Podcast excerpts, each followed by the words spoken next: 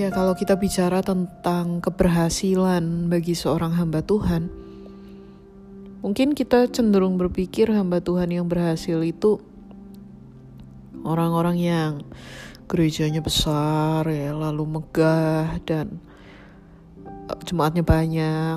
Terus mungkin secara online juga followernya banyak, subscribernya banyak. Terus pendetanya keren, diundang ke luar negeri dan seterusnya ya.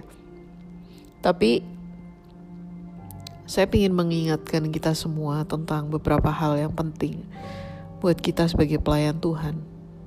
Yang pertama, standar keberhasilan yang Tuhan tetapkan dan yang dunia tetapkan itu sangat berbeda. Karena kita hidup di dunia, sering kali kita ikut standarnya dunia hamba Tuhan itu berhasil kalau dia menjangkau audiens yang banyak. Saya berkhotbah di hadapan 10 ribu uh, jemaat gitu. Wah, ini berhasil. Kalau jemaatnya cuma 12, waduh itu hamba Tuhan yang gagal, fail, fail. Lalu juga standar dunia itu selain kuantitas juga uh, akumulasi dari kekayaan ya. Jadi semakin keren megah gerejanya layarnya full LED gitu. Terus bandnya luar biasa alat musiknya sound systemnya lightingnya ruangannya parkirannya dan segala macam. Lalu hal-hal yang seperti itu yang materialis material itu menjadi ukuran bagi keberhasilan dari pelayan-pelayan Tuhan itu menurut dunia. Keberhasilan menurut dunia ya seperti itu. Kita berhasil kalau kita, kita disebut berhasil kalau kaya uangnya banyak rumahnya besar penghasilannya besar dan seterusnya. Itu orang berhasil menurut dunia. Nah kita yang hamba-hamba Tuhan ini jangan sampai salah standar. Kita melayani Tuhan hamba Tuhan tapi ukurannya keberhasilan kita adalah standarnya dunia Jadi kita harus berhati-hati sekali supaya kita nggak mengukur keberhasilan kita sebagai hamba Tuhan menurut sudut pandangnya dunia. Lalu keberhasilan menurut sudut pandang Tuhan itu seperti apa? Sebagai hamba, ya kalau kita pikirkan ya, hamba itu berhasil kalau dia bagaimana sih? Seorang hamba disebut berhasil kalau dia melakukan apa yang diperintahkan oleh tuannya melakukan sesuai yang diperintahkan oleh tuannya. Biasanya karyawan atau pembantu atau ya bawahan lah ya hamba itu disuruh melakukan sesuatu. Tuannya memberikan perintah yang spesifik, misalnya uh, masak masak ini gitu ya, terus si tuan bilang masakin nasi goreng misalnya dengan pakai sosis dan seterusnya. Lalu hamba ini bukannya masak dia malah ngepel gitu. Ngepel sampai kinclong banget. Lalu dia berkata, "Tuan lihat tuh Tuan. Kinclong banget kan hasil pel-pelan saya. Bisa difoto, dipamerin Instagram gitu." Tuan ini akan bilang, "Lah, kamu kan saya suruh masak." Kok malah ngepel kepi toh? Nah itu loh. Jadi dari situ hamba itu berhasil atau gagal? Ya jelas dia gagal. Karena dia nggak melakukan apa yang diperintahkan. Dia melakukan hal lain gitu. Menurut dia mungkin yang dia lakukan lebih penting lebih baik. Tapi kan itu nggak nggak nggak jadi ukuran gitu. Seorang hamba disebut berhasil kalau dia melakukan yang diperintahkan oleh tuannya udah gitu aja yang namanya bawahan itu berhasil kalau dia melakukan apa yang diperintahkan oleh atasannya. Nah, kita juga sebagai hamba-hamba Tuhan, hamba Tuhan yang berhasil itu bukan yang gerejanya paling besar, bukan yang paling mewah, bukan yang paling keren, followernya banyak, bukan. Tapi hamba Tuhan yang berhasil itu ya yang melakukan apa yang diperintahkan kepada dia. Gitu. Nah, kita perlu tanya ke diri kita sendiri. Perintah Tuhan bagi kita ada dua macam. Yang pertama yang general yang Tuhan perintahkan kepada semua pengikutnya di dalam firman Tuhan. Kalau memang kita mau jadi hamba Tuhan yang berhasil, ya kita hidup sesuai firman Tuhan. Lakukan firman Tuhan. Gak ribet. Jadi gak usah melakukan ini dan itu yang besar-besar. Tapi firman Tuhan yang jelas di depan mata kita gak lakukan. Dan yang kedua perintah Tuhan yang secara spesifik tugas yang dia berikan kepada kita. Kalau memang panggilan kita misalnya nih, ada orang yang dapat panggilan untuk contohnya menerjemahkan Alkitab ke dalam bahasa daerah. Gak akan ada orang-orang yang muji-muji dia, nyebut dia hamba Tuhan yang berhasil karena gerejanya besar dan seterusnya. Enggak. Tapi itu panggilan Tuhan buat dia ya, dia lakukan. Kalau dia lakukan ya dia berhasil di mata Tuhan. Dia melakukan sesuai yang diperintahkan oleh Tuhan. Tuhan berikan kepada saya panggilan untuk mengajar, kalau saya cuma keliling-keliling khotbah ke mana-mana walaupun uh, yang dikotbahin ribuan gitu. Tapi saya nggak melakukan apa yang Tuhan berikan di dalam hati saya. Saya nggak mengajar, saya nggak menetap untuk memperhatikan pertumbuhan rohani dari orang-orang yang saya ajar. Ya saya nggak melakukan kehendak Tuhan. Di mata Tuhan itu kegagalan. Tapi kalau kita melakukan apa yang diperintahkan Tuhan di dalam firman-Nya dan kita menjalani panggilan yang Dia berikan bagi kita, itu sebuah keberhasilan. di dalam Yesaya pasal 53 itu dikatakan satu ayat yang dua ayat yang sangat menarik ya. Waktu saya pertama kali baca saya bingung ini ayat out yang di atas dan yang di bawah hubungannya apa. Dikatakan oleh Nabi Yesaya. Tuhan berfirman melalui Yesaya, Sesungguhnya hambaku akan berhasil. Ia akan ditinggikan, disanjung, dan dimuliakan. Wah, lah ini nih definisi keberhasilan kan menurut manusia. Ditinggikan, disanjung, dimuliakan, nah itu baru berhasil. Tapi ayat di bawahnya berkata, seperti banyak orang akan tertegun melihat dia.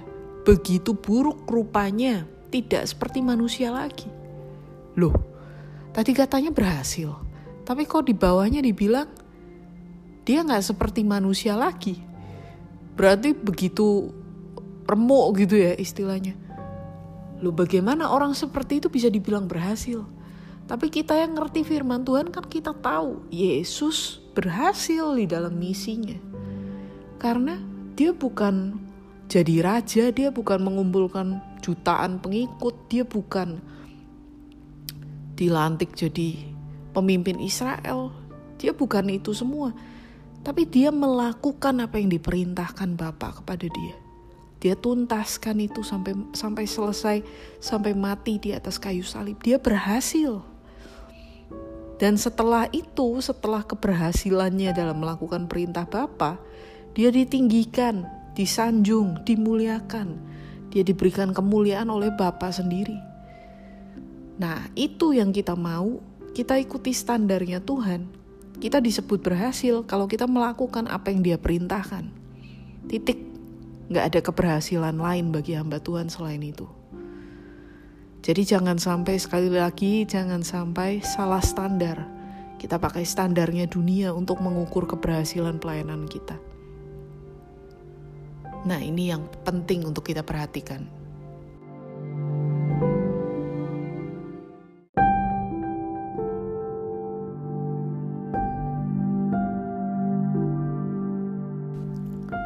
Setelah kita membicarakan tentang definisi hamba Tuhan yang berhasil dan yang tidak berhasil ya, spoiler dikit, yang berhasil itu ya yang melakukan apa yang disuruh oleh Tuhan.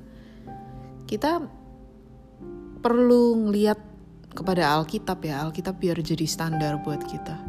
Sebagian besar hamba-hamba Tuhan yang ada di Alkitab itu nggak berhasil menurut dunia. Jadi sekali lagi untuk menegaskan kontras antara standarnya Tuhan dengan standarnya dunia, kita cukup lihat di Alkitab aja.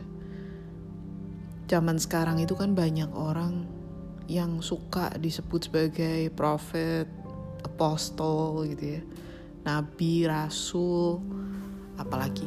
Pokoknya orang-orang yang seolah-olah seperti mereka yang ada di dalam Alkitab yang punya panggilan khusus gitu. Menobatkan diri mereka sendiri buat jadi nabi gitu. Dan terus seolah-olah perkataannya punya kuasa untuk ya dia bisa merintah-merintah.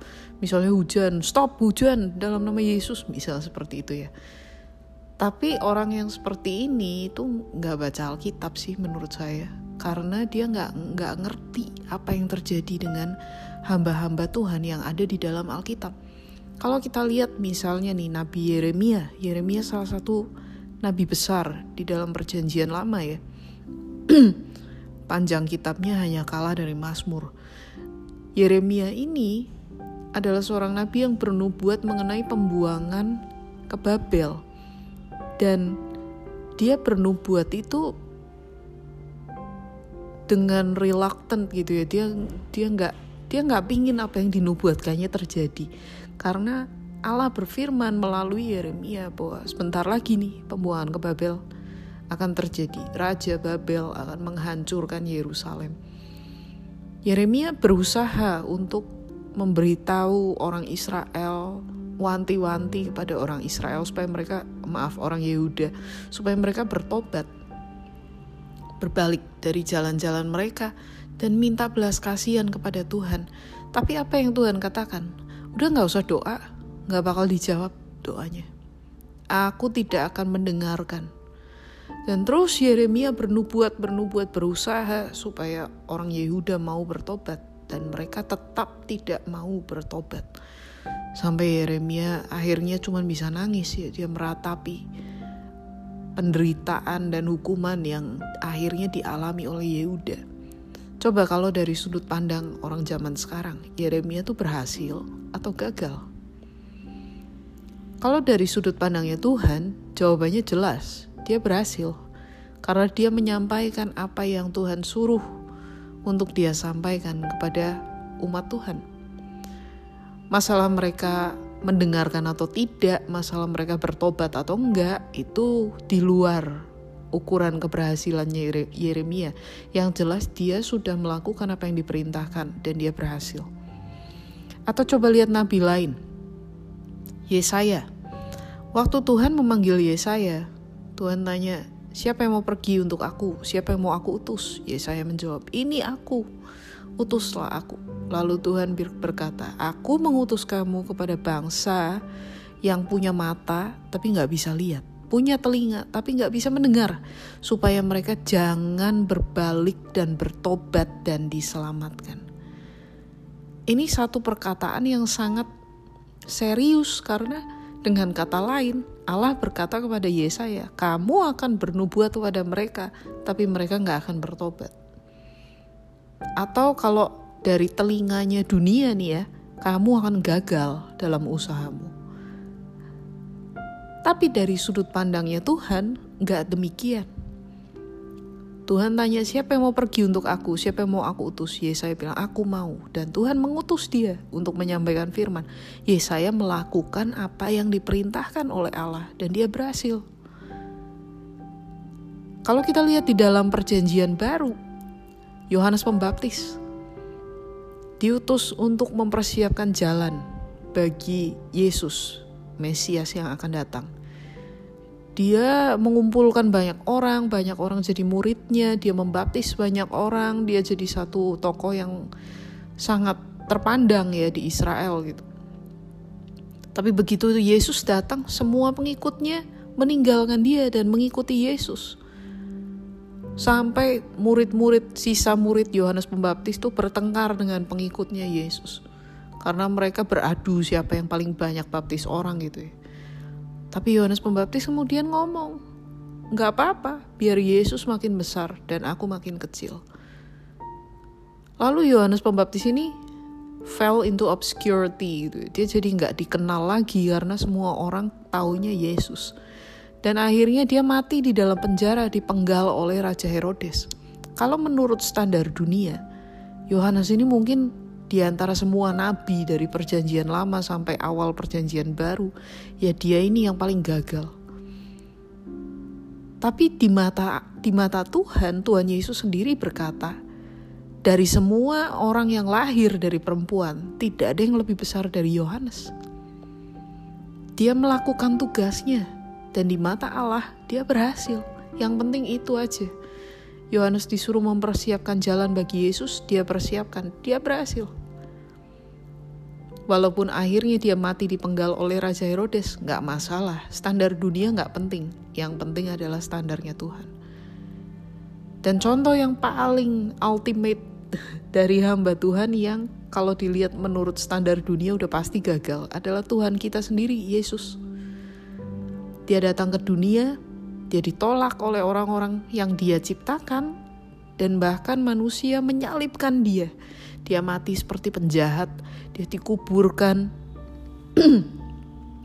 Orang-orang berpikir dia ditinggalkan oleh Allah, dia kena kutuk.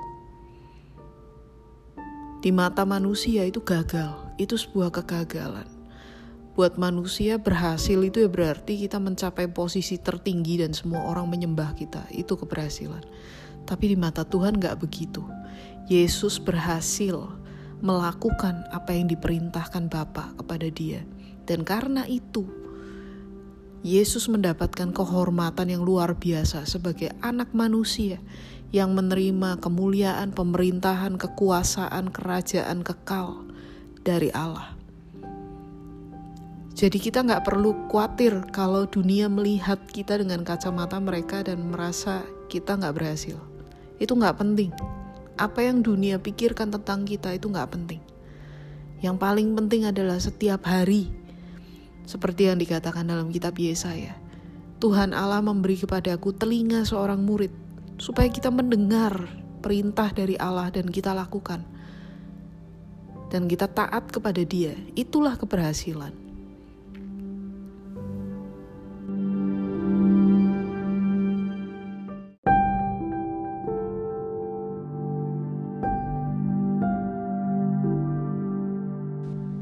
Dalam Ibrani pasal yang ke-11 itu ada daftar tentang pahlawan-pahlawan iman.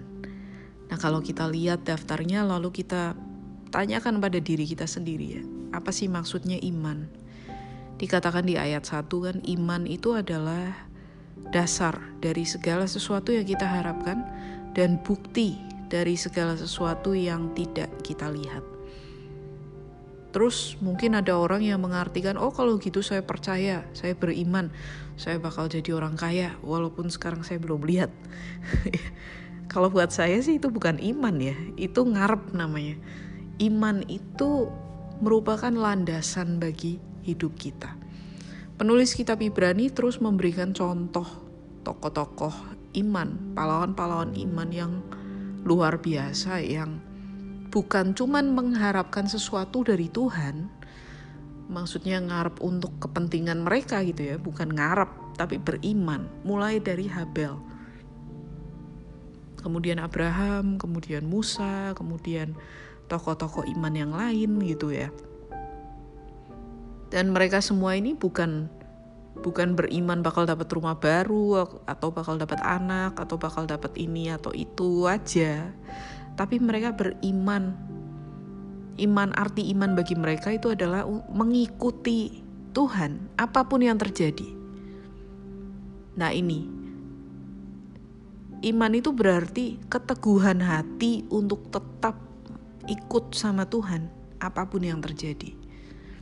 Ini penting sekali bagi hamba-hamba Tuhan karena seperti para pahlawan roh, pahlawan iman di dalam Ibrani 11 sering kali kita tuh nggak melihat hasil dari apa yang kita kerjakan.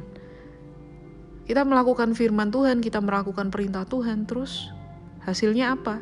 Terus berhasil atau enggak? Terus gimana gitu ya? Nah sering kali Tuhan tidak mengizinkan kita melihat itu buah dari apa yang kita kerjakan.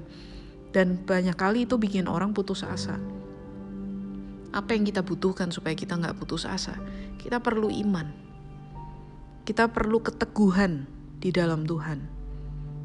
Yang namanya iman itu seperti uh, rumah yang dibangun di atas batu karang gitu ya, fondasi yang kokoh sehingga waktu dilanda angin, dilanda banjir rumah itu nggak runtuh. nggak terbawa oleh apa yang melandanya gitu. Nah seperti itulah iman. Kita mungkin nggak melihat hasil dari apa yang kita kerjakan bagi Tuhan, tapi nggak masalah. Yang penting kita mengerjakan itu buat Tuhan. Kita melihat di dalam firman Tuhan, contoh-contoh yang seperti itu banyak banget.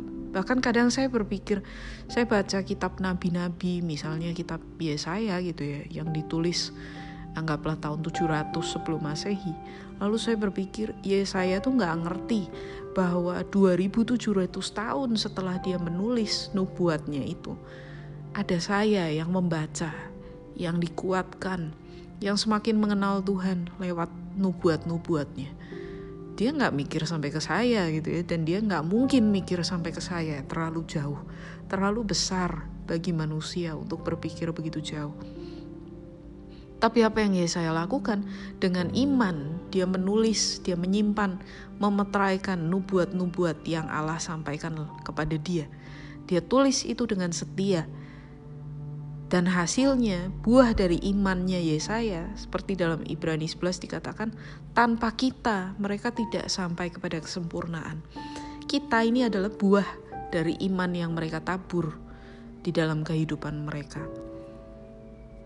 Juga di dalam perjanjian baru ketika Paulus memberitakan Injil, dia keliling ke mana-mana. Kemudian akhirnya bukannya dia jadi gembala sidang yang keren, perlente dan international gitu ya. Tapi dia malah masuk penjara.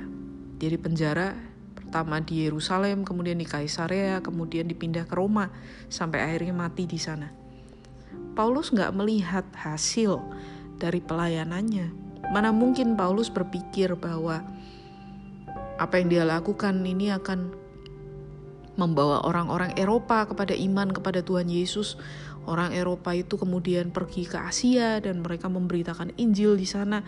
Lalu ada satu tempat yang namanya Indonesia, negara kepulauan, dan di negara itu ada orang yang nenek moyangnya datang dari Cina, kemudian ngerti bahasa Indonesia, pergi ke gereja dan seterusnya lalu mendengar tentang Tuhan Yesus. Paulus nggak mungkin mikir sampai ke sana, jauh banget. Tapi dia melakukan apa yang diperintahkan kepada dia dengan iman. Sisanya itu bagiannya Tuhan. Dia nggak lihat lanjutannya karena udah keburu mati dan nggak mungkin karena ribuan tahun jaraknya dengan saya, dengan saudara. Tapi Paulus melakukan itu semua dengan iman dan imannya itu berbuah. Jadi sebagai hamba-hamba Tuhan, saya yakin kita perlu iman, bukan cuma iman untuk menerima sesuatu sekarang, tapi iman untuk percaya kepada Tuhan uh, untuk hasil dari pelayanan yang kita lakukan. Kita nggak pernah tahu apa yang akan terjadi. Kita nggak pernah tahu siapa yang akan dijangkau oleh Tuhan lewat pelayanan kita. Kita nggak pernah tahu bagaimana caranya bisa nyampe ke sana gitu. Kita nggak pernah tahu. Kita nggak tahu masa depan. Kita pikiran kita terlalu kecil untuk memikirkan hal-hal yang begitu besar. Tapi kita tahu Tuhan yang kita sembah, Tuhan yang kita layani, itu punya kuasa yang sempurna untuk menjangkau siapa pun yang mau dia jangkau lewat pelayanan kita. Bagaimanapun caranya, Tuhan bisa melakukan itu. Teladan dari pahlawan-pahlawan iman, mungkin seperti uh, hamba-hamba Tuhan yang disebutkan di situ ya, Abraham. Abraham nggak ngerti, nggak berpikir bahwa nantinya bukan cuma keturunannya secara jasmani yang disebut sebagai umat Allah, tapi semua orang yang hidup di dalam iman yang sama. Abraham nggak ngerti bahwa rencana Tuhan akan meliputi seluruh dunia sampai ke orang Indonesia segala macam dia nggak ngerti Indonesia yang pasti dan orang-orang lain juga para rasul ketika mereka memberitakan Injil, mereka pikir ya cuman daerah mereka itu aja.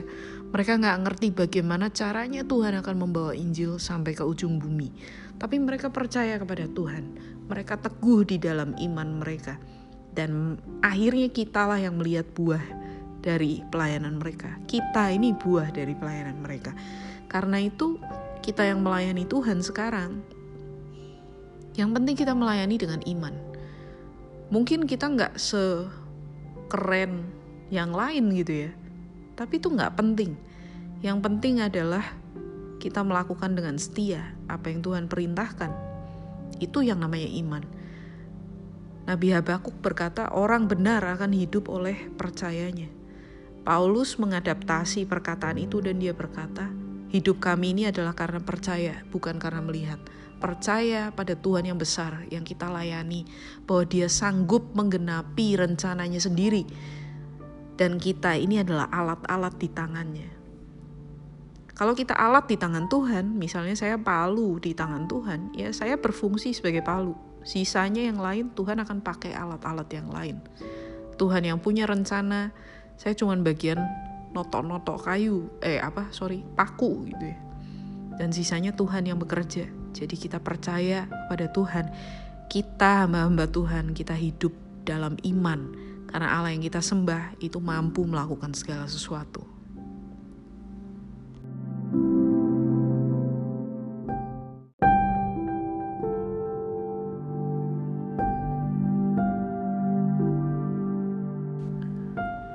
Seandainya kita melayani Tuhan dengan sungguh-sungguh, tapi di dunia ini kita nggak melihat hasilnya, ya kita tetap melayani Dia karena kita percaya, kita beriman kepada Dia. Terus kita mati itu tanpa melihat apa hasilnya. Kok kayaknya sia-sia banget ya? Apakah seperti itu panggilan seorang hamba Tuhan? Ternyata enggak sih, karena kita melihat di dalam firman Tuhan, upah yang Allah berikan bagi hamba-hambanya, kadang kita melihat uh, previewnya ya sedikit gambarannya di dunia ini loh seperti ini. Kalau pelayanan kita membuahkan hasil yang bisa kita lihat gitu, kita kayak seolah-olah boleh nyicipin buahnya nanti seperti ini rasanya gitu.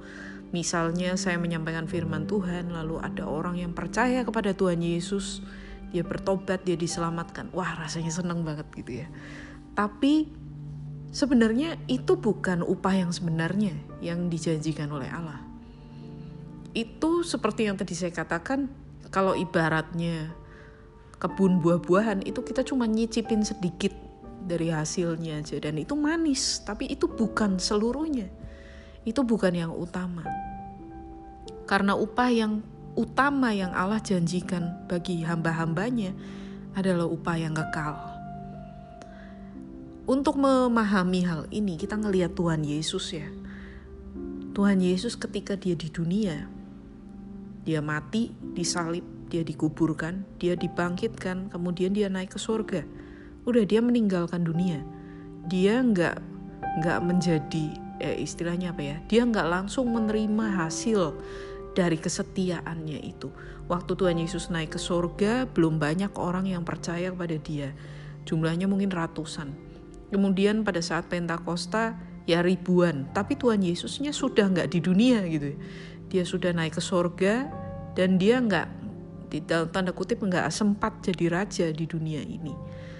Apakah itu berarti dia tidak menikmati hasil dari kesetiaannya dari pelayanannya? Ternyata bukan demikian. Karena satu hari nanti Tuhan akan datang kembali dan pada saat itu semua umat tebusannya akan memuliakan dia, memuji-muji dia selama-lamanya.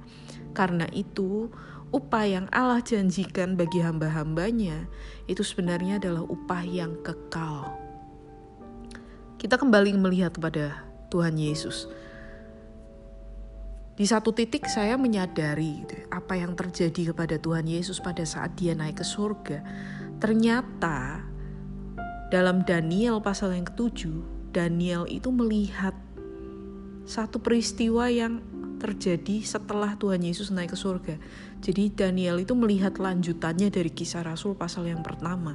Apa yang dilihat Daniel? Dia berkata, Aku melihat di awan-awan ada seorang seperti anak manusia Nah, kita perhatikan kalau ada kata-kata awan-awan di dalam perjanjian lama dan perjanjian baru ya, itu selalu membicarakan tentang sesuatu yang ilahi, tentang Allah, tentang kekuasaannya Allah karena dikatakan dalam perjanjian lama langit adalah tahta Allah itu.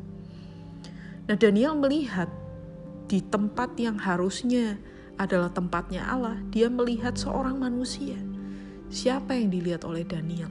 Kok bisa ada manusia di hadapan Allah? Ternyata itulah Yesus. Yesus kemudian dikatakan oleh Daniel, dia menerima kerajaan, kuasa, kemuliaan, kekuasaan. Dan pemerintahannya adalah pemerintahan yang kekal, kerajaannya tidak berkesudahan. Itu yang diterima oleh Yesus. Kenapa Yesus menerima itu? Itu sebagai upah karena dia sudah menjalankan apa yang ditugaskan kepada dia di dunia ini. Nah, kalau kita pikirkan ini ya, teman-teman. Yesus menerima upah yang kekal yang begitu besar. Satu kemuliaan yang gak ada taranya. Firman Tuhan berjanji, kita juga akan dimuliakan bersama-sama dengan dia. Kalau kita setia, kita taat kepada dia, kita akan dimuliakan bersama-sama dengan dia. Rasul Paulus mengerti hal ini dan dia berkata, Aku telah mengakhiri pertandingan yang baik, mencapai garis akhir, memelihara iman. Sekarang, kata Paulus, telah tersedia bagiku mahkota kebenaran. Hanya orang-orang tertentu yang punya mahkota, yaitu mereka yang memerintah, mereka yang punya kekuasaan. Mahkota kalau zaman sekarang tuh hiasan, tapi di zaman dulu itu bukan hiasan. Itu adalah lambang dari kekuasaan, dari kemuliaan, dan Paulus berkata, telah tersedia bagiku mahkota. Orang-orang yang melayani Tuhan dengan setia nantinya akan menerima kemuliaan bersama-sama dengan Yesus. Ini janji Tuhan. Jika kita turut menderita dengan Dia, kita akan dimuliakan bersama-sama dengan Dia. Upah yang Allah berikan kepada kita itu kekal. Itu yang pertama, dan bukan hanya kekal, lebih saya bilang lebih dari yang layak kita dapatkan. Bagaimana mungkin manusia, orang seperti saya, ini menerima kemuliaan bersama-sama dengan Yesus? Saya nggak layak. Saya nggak melakukan hal yang begitu besar buat Tuhan yang membuat saya layak untuk menerima kemuliaan bersama dengan Yesus. Tapi inilah kemurahan hati Allah dan kelimpahan yang dia sediakan bagi kita. Gak ada satupun hambanya yang akan terlewat. Besar kecil, penting atau gak penting di mata dunia, semuanya itu akan menerima upah dari Allah. Dan kalau kita lihat dalam perumpamaan yang Tuhan Yesus berikan, perumpamaan tentang talenta misalnya, baik sekali hambaku yang baik dan setia, dikasih lima talenta, di, dikelola sampai jadi 10 talenta 100% untungnya, masuklah dalam kebahagiaan Tuhanmu. Atau hamba yang menerima lima mina, dia kemudian mengelola jadi sepuluh mina, dan tuannya berkata, Baik, bagus kerjaanmu, kamu terima kekuasaan atas sepuluh kota. Ini tentu saja nggak proporsional. Mengelola lima mina jadi sepuluh mina, kok kemudian diberi kekuasaan atas sepuluh kota? Ini upah yang terlalu besar, tapi itulah upah yang Tuhan sediakan bagi hamba-hambanya. Upah yang jauh lebih besar daripada yang bisa kita pikirkan. Karena itu hamba-hamba Tuhan menanti-nantikan harinya ketika Tuhan Yesus datang. Karena pada hari itu kita akan diberi mahkota dan kita akan diberi upah. Upah yang jauh lebih besar dari yang layak kita terima upah yang semata-mata itu karena Tuhan mengasihi kita dan Tuhan murah hati terhadap kita. Kalau kita mengerti hal ini, maka kita melayani Tuhan dengan sukacita. Wah, Tuhan luar biasa. Apa pun yang saya lakukan, saya korbankan buat Tuhan. Tidak akan sebanding dengan upah yang mulia yang Dia sediakan buat saya. Saya akan memerintah bersama Kristus, dimuliakan bersama Kristus, saya akan menerima upah dan kepercayaan yang lebih besar lagi. Ini bahkan gak bisa dibayangkan, seperti yang firman Tuhan katakan, apa yang gak, gak dilihat mata, tidak didengar telinga, tidak timbul di dalam hati manusia. Itu yang Allah sediakan bagi mereka yang mengasihi dia.